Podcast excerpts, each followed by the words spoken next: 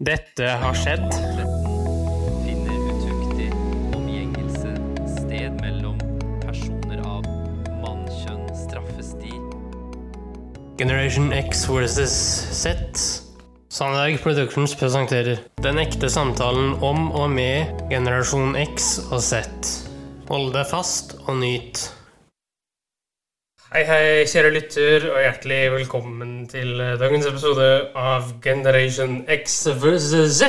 Og i dag, kjære kompanjong, eh, Ja da. så skal vi snakke om eh, det motsatte av en som er høy, mørk og snill. Eh, ja, han var litt mørk, men eh, han var verken høy eller snill. Riktig. Eh, Vi skal snakke om eh, en eh, sjåfør, faktisk. Ja. Eh, Rett og slett en yrkeskriminell, om man kan kalle han det. Ja, han var særdeles opptatt av, eh, av biler, iallfall uh, i hans eh, ungdomsår. Ja. Han skulle være litt fin på det, sier kameraten hans. ja. Han Var veldig fin, fjong, og var en kjent mann for dette tyske etterretningssystemet som heter Gestapo, eller heter Gestapo. Ja, Vi skal da til Trøndelagen, og vi skal til en eh, Vi skal ha fokus eh, de tre neste episodene av en person som heter Rinnan, og banden til Rinan. Ja, eller Zultzbergling Lola, som den kalles. Ja. Og eh, begynner pent, eller? Ja, vi, vi gjør vel det. Eh, Jeg vet ikke hva du har klippet ut eh, her. Ja, du, du har klippet i en dokumentar som ligger på NRK TV, som anbefales hvis du har si fem timer til overs.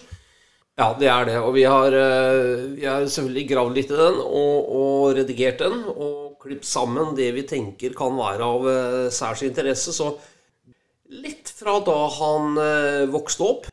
Han kom fra veldig fattige kår, også i Levanger, født i 1915.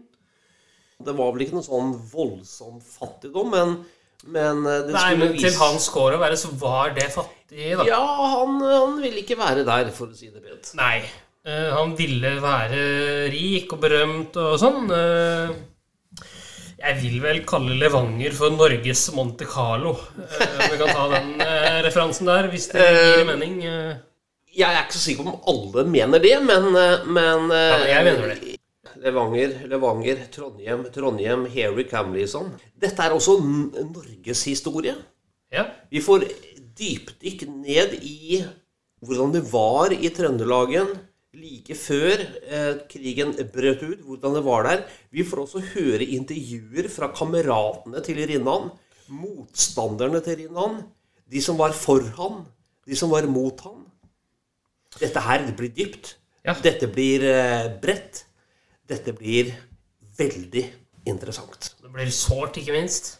Det kan også bli sårt. Skal vi kjøre? Ja. Ja. Vi er ved krigsutbruddet i april 1940. En lastebil og en frivillig sjåfør er på vei til et mobiliseringssted nord i Trøndelag. Tidlig om morgenen 9. april ligger tyske krigsskip på havna i Trondheim. Okkupanten har tatt kontroll over byen uten kamp. Sjåføren på lastebilen heter Henry Rinnan. Det var en hensynsløshet og en, en råhet uten sidestykke. Og eh, Rinnan, han skjøt ikke en mann i foten. Hva de nå enn sier om med Henry Rinnan, så verka han på meg kultivert. Til å være trønder talte han et mye avsleppet språk. at det går an for et menneske som er, som er så ja, som vanlige folk kan være, å plutselig skifte ham og bli en til de grader dævel. Nei, jeg har spekulert på det i 50 år. Jeg kommer aldri til bunns i. Jeg forstår ikke det menneskesinnet som, som lever et normalt liv. Eh, En stor søskenflokk på åtte var det eldste av guttene som levde i, ja, i stor fattigdom, kan du si. Det, var jo fattig den gangen. Men et, en familie som aldri fikk to øre ifra det offentlige. De klarte seg sjøl. Faren var en meget god skomaker. De klarte seg, sleit seg gjennom det. Og så kom krigen. Eh, Hvorfor at den ble sånn? Tida etter første verdenskrig var vanskelig i Trøndelag som andre steder. Nødsarbeid og matlapper ble redningen for mange som var rammet av oppsigelser og driftsstans. Fattigdom var vanlig, ren nød forekom. De verst stilte havnet på forsorgen. I slike omgivelser vokste Henry Rinnan opp. Han ble født i 1915 og var en nokså vanlig guttunge i en stor søskenflokk i en vanlig småkårsfamilie på et lite trøndersk tettsted. Noen utdannelse etter folkeskolen var det aldri snakk om for Henry Oliver. Det ble å forsøke seg i arbeidslivet i stedet. Store problemer med å skaffe seg jobb hadde han ikke. Han var ansatt i et firma som het for Veding Autosport, som lå bare like borti gata her. Og eh, han reparerte jo litt eh, sykler og litt biler og sånne ting. Så hadde han jo noen historier om forskjellige ting. Da. Det kunne jo være damer. Det hadde han jo en del historier om. Vi hadde jo en, eh, en eh, historie sammen med noen kvinnfolk oppe i, oppe bygda. Var, det var to søstre der som, som vi var litt uh, begeistra for. Og, og vi gikk opp dit og, og eh, fikk du tak i kvinnfolka. Men bygdaungdommen de hadde ikke noe særlig lyst på det fremmed innblanding. Derfor så de tok og bar oss av gårde nedover. De var mange, dem. Og bar oss nedover fra bygda og varsla oss om at vi hadde ingen, ingenting med kvinnfolka deres å gjøre. Så vi måtte bare, bare forsvinne. Neste gang så vi skulle oppover, så kommer vi til Halsan. Veien gjør en sving på seg, og han forlanger at jeg skal gå bak han. Så tar han opp pistolen og lurer oss lurer oss forbi svingen, og da blir vi oppover. vi var jo som regel på fest, da. Lørdagskveldene. Etter han kjørte kjørt sertifikat, så kjørte han jo. Var det med da òg? Ja. Han brukte jo hansker.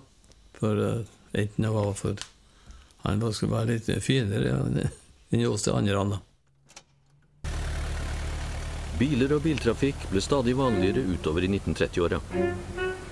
Også utlendinger reiste omkring som turister, ikke minst briter. De stoppet ofte og fotograferte langs veien. I Trøndelag ble havnebyen Trondheim godt dokumentert, men også Levanger ble kartlagt. Stormaktene trappet opp sin etterretningsvirksomhet, også i Norge. De nye tyske makthaverne interesserte seg også for Norge. Ikke minst for den lange, isfrie vestkysten. Wir hatten im Ersten Weltkrieg hatten wir ja bemerkt, diese Küste nicht zu unserer Verfügung hatten. Den tyske interessen for kysten viste seg også ved at det flere steder dukket opp svært geskjeftige fiskeoppkjøpere. Det norske overvåkingsapparatet fant ut at de ikke bare sendte hjem uskyldige meldinger om priser, kvalitet og innkjøpte kvanta. Også fra Norge ble strategiske data samlet og lagret til senere bruk. I disse årene levde Henry Rinnan mye i sin egen fantasiverden og søkte spenning der han kunne finne den. Men det ble diskutert politikk i skomakerfamilien på Levanger. Ikke minst var man opptatt av Tyskland, der det nå så ut til å gå stadig bedre.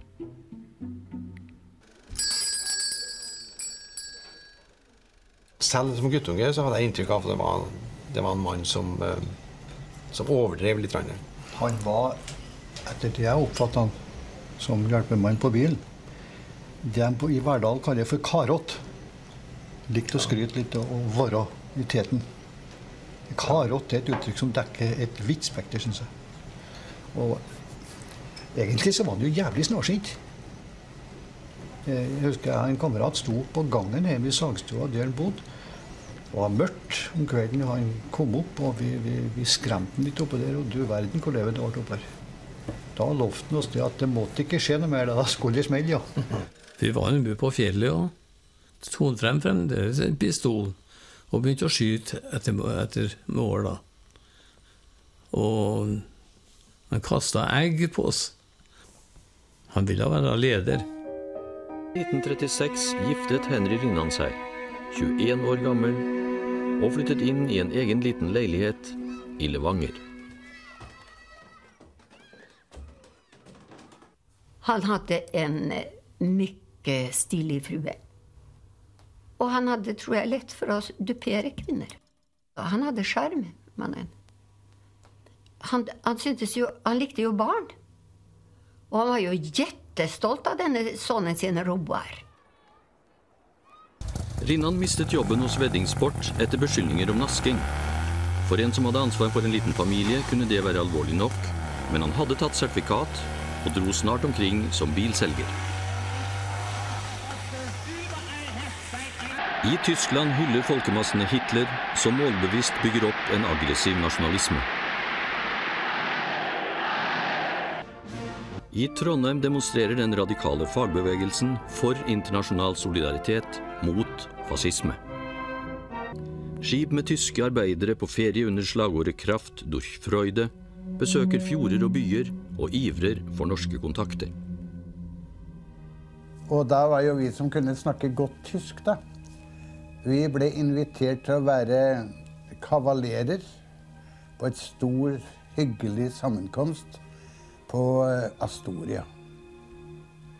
Hvor vi fikk våre damer.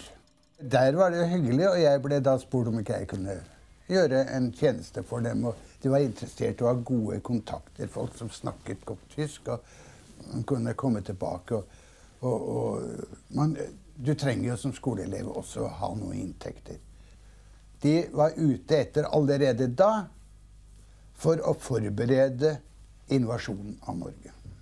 Dette var jo et regulært vervingsforsøk? egentlig. det var et regulært vervingsforsøk, men altså, det, det, som, det, som, jeg var så heldig at jeg hadde, men som kanskje andre ikke hadde, det var jo at jeg hadde en solid, hard politisk oppfatning som sto i veien for den slags fristelser som dere der var.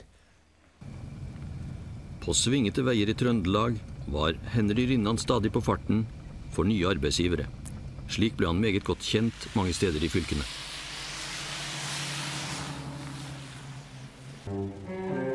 Det er én ting som sitter spikra fast i sinnet på meg. Det var en kveld vi satt, jeg og Henry, alene oppe på stua hjemme hos dem. Da kakker på døra, så kommer det en trondheimsmann inn. Eh, og han ville ha en samtale med Henry. Privat samtale. Så sier Henry at han Olemann ikke noe å bry seg om, så bare snakk, du. Ja, så sier han at eh, jeg må fortelle deg, det er funnet en radiosender i ei grusgruve like utenfor byen. Og hvorfor at det sitter fast i hodet mitt, det, det vet jeg ikke. Vi var jo veldig opptatt av, av Franco-Spania, og jeg var jo aktivt med i arbeiderorganisasjonen. Så det satt jo fast. Og når du får høre dette, det, dette med at det var funnet en radiosender i Trondheim Jeg er ikke i tvil om at han Henry var involvert også i det der før krigen. Fordi at etter krigen så snakka jeg med en bilmekaniker, en eldre bilmekaniker som jobba på Levanger. Og han fortalte meg det at han var med, og hvis kolonnen stoppa, så kunne du være høggende sikker på at det var, at det var bilen Henry Oliver Rinnan som sto på tverra i veien. Så jeg, hvis en kobler dere, så er jeg overbevist om at han var involvert i dette før krigen.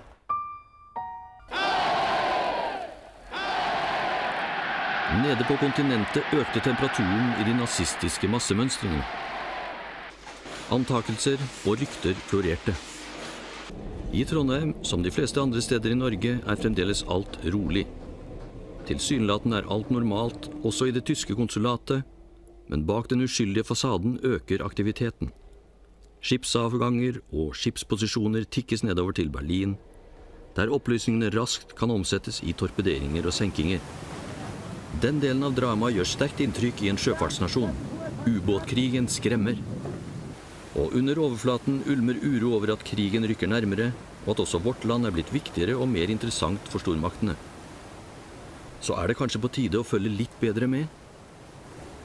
Det var jo kanskje ikke så voldsomt organisert, men, men vi var noen som, som var anmoda om å holde øye med noen. Det var jo tilflytta tyskere. Eller folk som hadde med Tyskland å gjøre. da. Vi hadde jo en god del til det. Og likedan da en del som skal vi si eh, har fått seg noe, noe sånn snarjobber. Så kom Finlandskrigen. Sovjetiske fly og hæravdelinger veltet inn over vårt nære naboland i nordøst. Også norske frivillige dro til Finland, og en del utstyr ble sendt.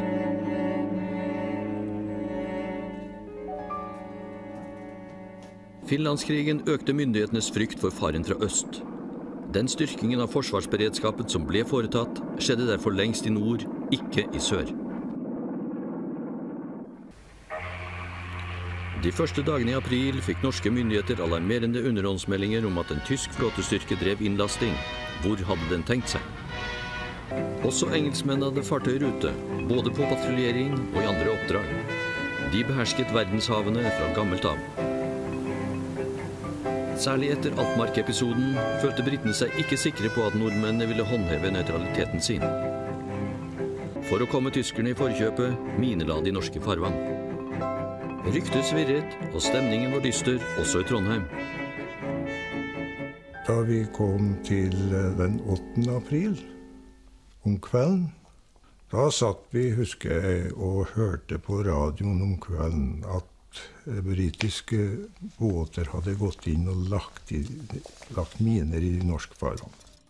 Det hørtes jo veldig spent ut, for vi var jo litt i tvil. Ville liksom Norge da forsvare nøytraliteten som de hadde snakket så mye om, og, og, og gå til aksjon mot britene. Så da vi la oss om kvelden den 8. april, så var det helt i villrede om hvordan dette ville utvikle seg. I ly av mørke og dårlig vær satte tyskerne i verk operasjon Weserübung, angrepet på Norge. Og så gikk alarmen jeg tror det måtte være i tre-halv fire-tida om natta. Og uh, da fikk vi uh, ordre om å ta med oss utstyr, ta på oss uniformer, utstyr og ryggsekk og pakning. Og gå ned i spisesalen og spise. Og det gjorde vi i en på da. Og uh, vi kom ned i spisesalen, og der det, hadde vi ei kokke, en eldre dame som eh, var i ferd med å lage til frokost for oss. Og vi skjønte at noe alvorlig var på ferde fordi hun gikk og gråt. Tidlig om morgenen 9. april ligger de tyske krigsskipene på havna. De første soldatene blir raskt satt i land. Senere følger tungt utstyr etter. Byen blir besatt uten kamp.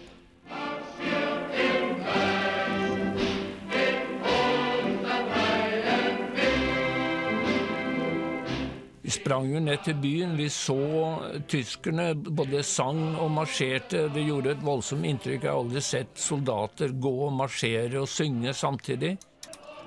Folk var stort sett forvirra, og eh, det var stort sett uh, en slags si, lammelse eller uh, apati. Det var ingen som følte at de kunne gjøre noe med det her som virket så velorganisert og så sterkt og eh, det var vel meningen at det skulle virke sånn på oss også. Det var jo grunnen det som gjorde inntrykk, var jo at det var både sjø- og landstridskrefter, pluss at det lå en del både transportskip og eh, andre krigsfartøy ute i, på fjorden og ved havna. Så marsjerte vi da i samlet tropp. Ikke ned i byen, men raskeste veien. rett av kursen langs veien mot uh, Ranheim.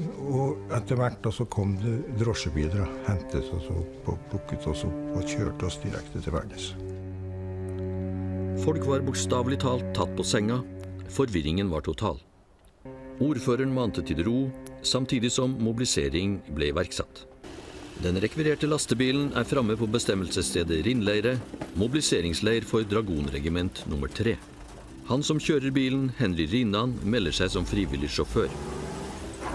Til Rindleire kommer nå stadig flere soldater som har fått mobiliseringsinnkalling.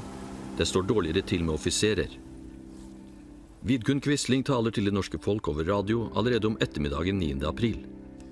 Slik som situasjonen har utviklet seg, er enhver fortsatt motstand ikke bare nyttesløs, men direkte ensbetydende med kriminell ødeleggelse av liv og eiendom.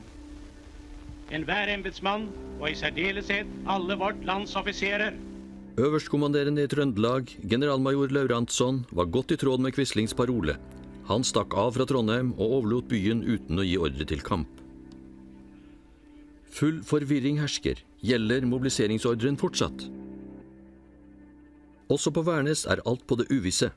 Ingen klare ordrer blir gitt. Den eh, 10. april, da var det ordentlig virvar. Da hadde vel eh, Quisling holdt sin tale, jeg husker ikke om det var kvelden den 9. april, eller om det var morgenen den 10. april, men da var det i hvert fall helt kaos. For da fikk vi beskjed om at vi skulle være i stillingene. Men vi fikk ikke lov til å skyte hvis det kom tyskere. Og det var jo litt av en ordre å få på det tidspunktet. I løpet av den dagen den tiende så fikk vi Husker jeg vi ble stilt opp. Og vi fikk spørsmål om hvor mange det var som ville slåss. Det skulle liksom være frivillig, det, da. Men det krigføringa i Norge i aprildager ut av det var for negativt. Det var for dårlig. Altfor dårlig. Henry Rinnan er på veien igjen, nå sammen med norske soldater. Rinnan får tilhold på kontoret hos en dragonoffiser.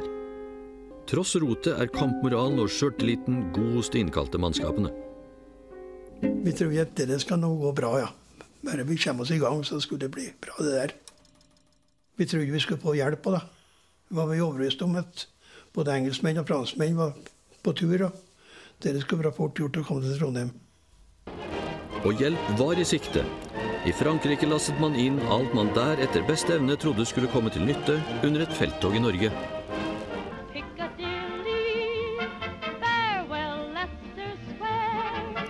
Også fra England ble tropper landsatt. Riktignok kom de etter mange revurderinger i den engelske overkommandoen og dramatiske omdirigeringer underveis.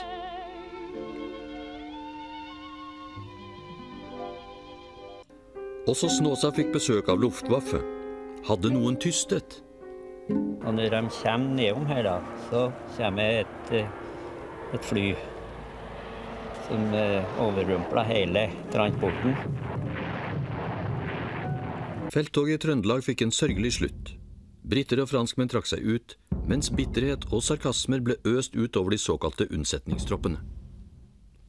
Det ble jo senere fortalt fra Namdalen at det ble kalt for romhelga, for de hadde med seg så mye rom. Vi var med å rydde opp i det som lå etter engelskmenn. Det var sportsutstyr, badminton og, og eh, racketer og Det var ikke krigstropper. Rinnan var fri. Han kom jo i sivil han da han kom i den der bilen. Hvor han kom fra? Da kom han fra Hotell Phoenix. Og hvem holdt til der? Nei, dit har jo tyskerne kommet, da. Har han har jo fått en bil der oppe da, som kom hit med. Hvordan reagerte soldaten som han var sammen med, på at han klarte å, å komme seg så fort unna? Ja, de reagerte eh, De ble bitter på han, for han var jo en sviker i lag med dem. Så det ble mye snakk om, ja. Hvor tidlig fikk de vite at, den, at den Henry Rinnan hadde liksom gått over på tysk side? Det var like etter vi kom ifra Snåsa. Opptrådt sammen med tyskerne. Da kampene var slutt, skulle alle våpen innleveres, men mange var frustrerte og bitre på alt rotet. De håpet å få bruk for våpnene senere, og gjemte dem unna eller grov dem ned. Henry Rinnan var meget snart etter den norske kapitulasjonen over i tysk tjeneste. Hva tenker unge herren? Nei, jeg står ved det jeg sa i stad, altså at Levanger er eh, Norges Monte Carlo. ja. Trondheim er jo Norges Qatar. Så Ja, du, du tar det bildet. Men hva tenker du om Rinnan, da? Han, eh, han er jo på høyde nesten med, med Quisling, altså. Ja, eh, han er vel det trønderske Den trønderske versjonen av Quisling. Ja. Eh, at han var mørk, veldig lav og mer bastant, om man kan si det. Kanskje. Hva slags inntrykk har du ja, om begynnelsen av krigen? Nei, altså det maler jo et helt nytt bilde av eh, begynnelsen. Ja. For man hører jo ofte den der 9. april. Ja. At eh, Norge kapitulerte, i hvert fall formelt sett. Eh, men du hører jo ikke noe før det. At eh, Trondheim, eller Trøndelag, var en veldig viktig brikke i det spillet. Ja, for tyskerne var Trøndelag og Trondheim særdeles viktig. I episode to neste uke, Henrik, så skal vi høre litt mer om eh, hvordan Rinnan bygger seg opp og blir faktisk, faktisk et monster han- i tysk tjeneste. Han blir jo da hvermanns verste mareritt, eh, Yes. om vi kan si det. Det er veldig pent, eh, det her nå. Men eh, vi skal ha NRK nå. Vær så god. Thank you.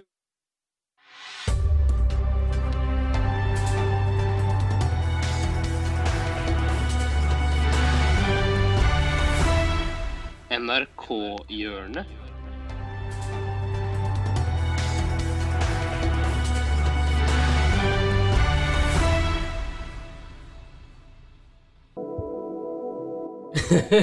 ja. Ja, nå er jeg spent. Hva, hva skal du balansere dette her med? Nå skal vi balansere det med tre av de stereotypiske reality-TV-deltakerne.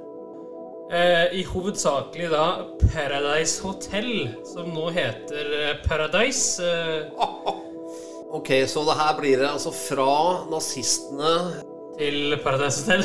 Til Paradise Hotel, ja. Ja, ok. Ja, ok. Kjør på. Thank you. uh, holde tempen på hva som skjer i Paradise. Det, du, OK, 3, 2, 1, hvem er du? Hvem er du på Paradise Hotel? Go! Halla, jeg heter Galvan. Jeg er ikke redd for å si hva jeg mener. Aldri. Jeg eh, Politkorrekt, det vet jeg ikke noe om. Følg med for intriger. OK, ganske bra. Veldig bra. Abu, Jeg, jeg, du jeg hadde fulgt med på den karakteren. her. Abu, Ok, tre- Abu, hvem er du på Paradise Hotel? 3, 2, 1, go! Hei, jeg heter Abu. Jeg liker all slags folk, og jeg tror at folk også liker meg, fordi jeg er så jævla likeable. Han ble nordlending. Han ble nordlending. Ja. Jeg liker meg. Ja. Og eh, jeg er på- jeg er på jeg er på klanen. 3, 2, 1. Ja. Jeg heter Anders, jeg er fra Stavanger. Um, jeg vet ikke helt hvorfor jeg er med på dette her. Jeg syns egentlig folk er jævlig slitsomme. Uh, men jeg skal spille spillet og stabbe så mange som mulig i ryggen og fronten så fort det lar seg gjøre. Ryggen og fronten. Skal du blaste på TV? Jeg tror ikke det, nei.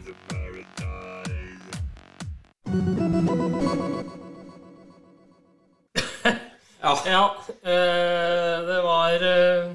Ja, men La meg si det sånn, Henrik. Du, nå fant du helkontrasten, altså. Ja, jeg fant vel eh, 360 grader vridningen til eh, det der. eh. Ja, om ikke 180. Å ja, vi er der nå. Vi er der nå. Men eh, kjære sønn, eh, det har vært en fornøyelse å ha podd sammen med deg, og det er ikke lenge til neste uke. Nei. Tusen takk for at du fulgte oss. Eh, Gi gjerne tilbakemelding, likes eller kommentar på Facebook-siden vår Generation X versus Z. Velkommen igjen til neste podkastepisode. Hei då!